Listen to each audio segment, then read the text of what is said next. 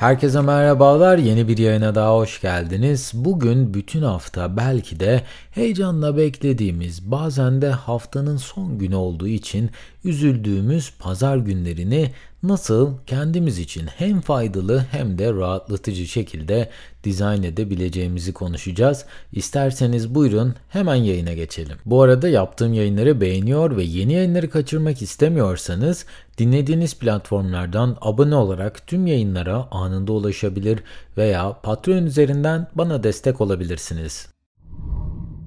Pazar günleri pek çok kişi için mutluluk ve nefret arasında bir yerde konumlanır.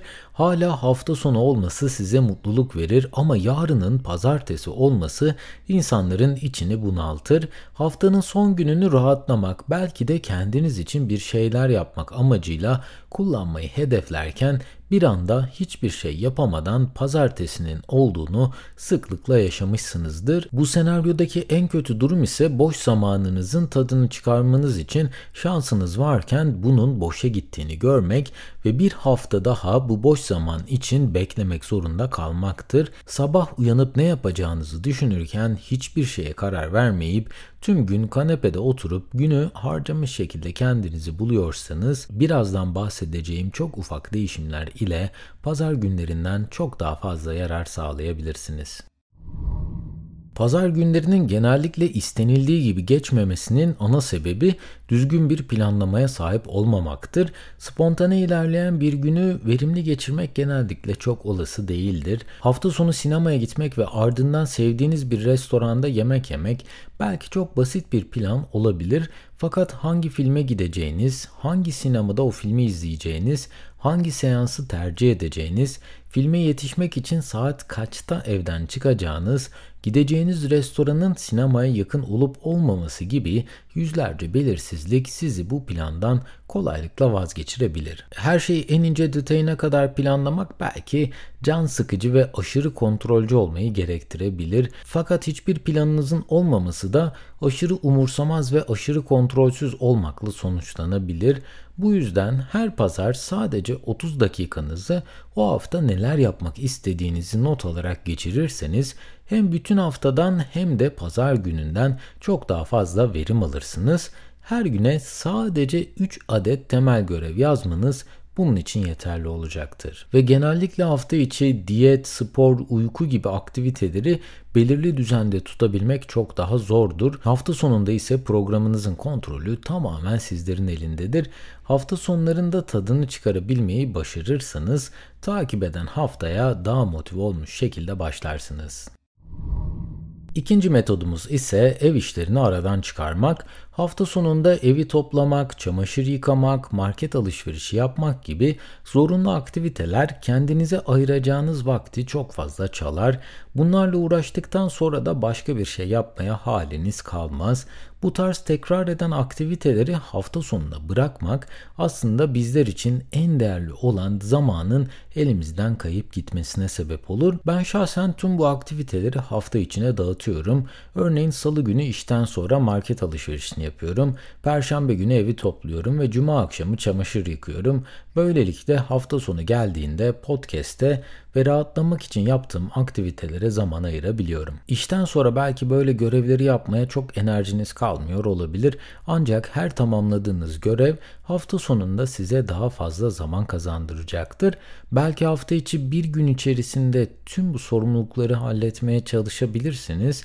Ancak o zaman da takip eden günde enerjiniz daha düşük olacaktır. Bu yüzden hafta içi her gün sadece belki bir görevi aradan çıkarabilmek bütün hafta sonunun size kalmasını sağlayacak ve bu esnada da sizi hafta içinde çok fazla bunaltmayacaktır. Üçüncü metot ise kendinizi geliştirmek için vakit ayırmak. Sanırım hafta sonlarının en özel kısmı tamamen kendinizin yönetebileceği bir zamana sahip olmanızdır. Pek çok insan hafta sonunu haftanın yorgunluğunu atmak için olan zaman dilimi olarak görüyor. Aslında hafta sonu işten size arta kalan tek zaman aralığıdır ve eğer kendinizi olduğunuzdan daha iyi bir hale getirmek istiyorsanız bu zamanı çok iyi değerlendirmeniz gerekir. Belki farklı bir sektörde çalışmak için kendinizi geliştirmek, belki de daha iyi görünmek için spora daha fazla zaman ayırmak, kitap okumak veya Bir hobinizi bir gelire çevirmek için kullanabileceğiniz en değerli zaman hafta sonudur. Paraya muhtaç olduğunuz sürece işe gitmek zorundasınızdır. İşten eve geldiğinizde de dinlenmekten başka hiçbir şeye zaman kalmaz. Öğrenci olanlar için aslında bu süreler çok daha esnektir. Yaz tatilleri, yarı yıl tatilleri, yarım günlük ders programları öğrencilere kendilerini geliştirmeleri için çok fazla zaman sunar. Maddi ihtiyaçları da genellikle aileleri tarafından karşılandığı için okuldan arta kalan zamanda çalışmak zorunda genellikle kalmazlar. Fakat o yaşlarda kişi kendinin gerçekten hangi alanda iyi olacağını tam olarak kestiremediğinden okul dışında başka bir işe çok fazla zaman harcamamayı seçer. Hafta içi yoğun bir iş ya da ders temposundan çıkıp hafta sonunun tamamında kendinizi geliştirmek için harcamak aslında çok hoş gözükmeyebilir. Ancak her hafta belirli bir saati en azından kendinizi geliştirmeye ayırıp kalanını da rahatlamaya ayırabilirsiniz. Bunu yapabilmek için de yayının başında konuştuğumuz üzere sağlam bir haftalık plana sahip olmanız gerekiyor. Ve son olarak eve hapis olmamak. Pazar gününün hepsini hedefiniz olan işe ayırırsanız haftaya çok bunalmış şekilde başlarsınız. Hafta sonları kendimizi yenilemek için harika bir zaman aralığıdır. Ancak buradaki rahatlama ve kendini yenileme kısmını çoğu kişi evde televizyon izlemek, PlayStation oynamak, eşofmanlarla belki evin içinde tüm gün gezinmek gibi algılayabiliyor. Halbuki insanı en çok rahatlatan ve huzur dolmasını sağlayan aktivite doğa aktiviteleridir. Bir AVM'ye gidip kapalı bir ortamda yemek yiyip sinemaya gidip eve geri döndüğünüzde belki Farklı bir aktivite yaptığınız için yenilenmiş hissedersiniz. Ancak bizleri doğamız gereği en çok rahatlatan aktivite doğada yaptığımız aktivitelerdir. Genellikle de bu tür aktiviteleri planlamak ve üzerinde biraz kafa yormak gerektiğinden insanların büyük bir kısmı hemen kolay yolu seçip evde kanepede televizyon izlemeyi seçerler.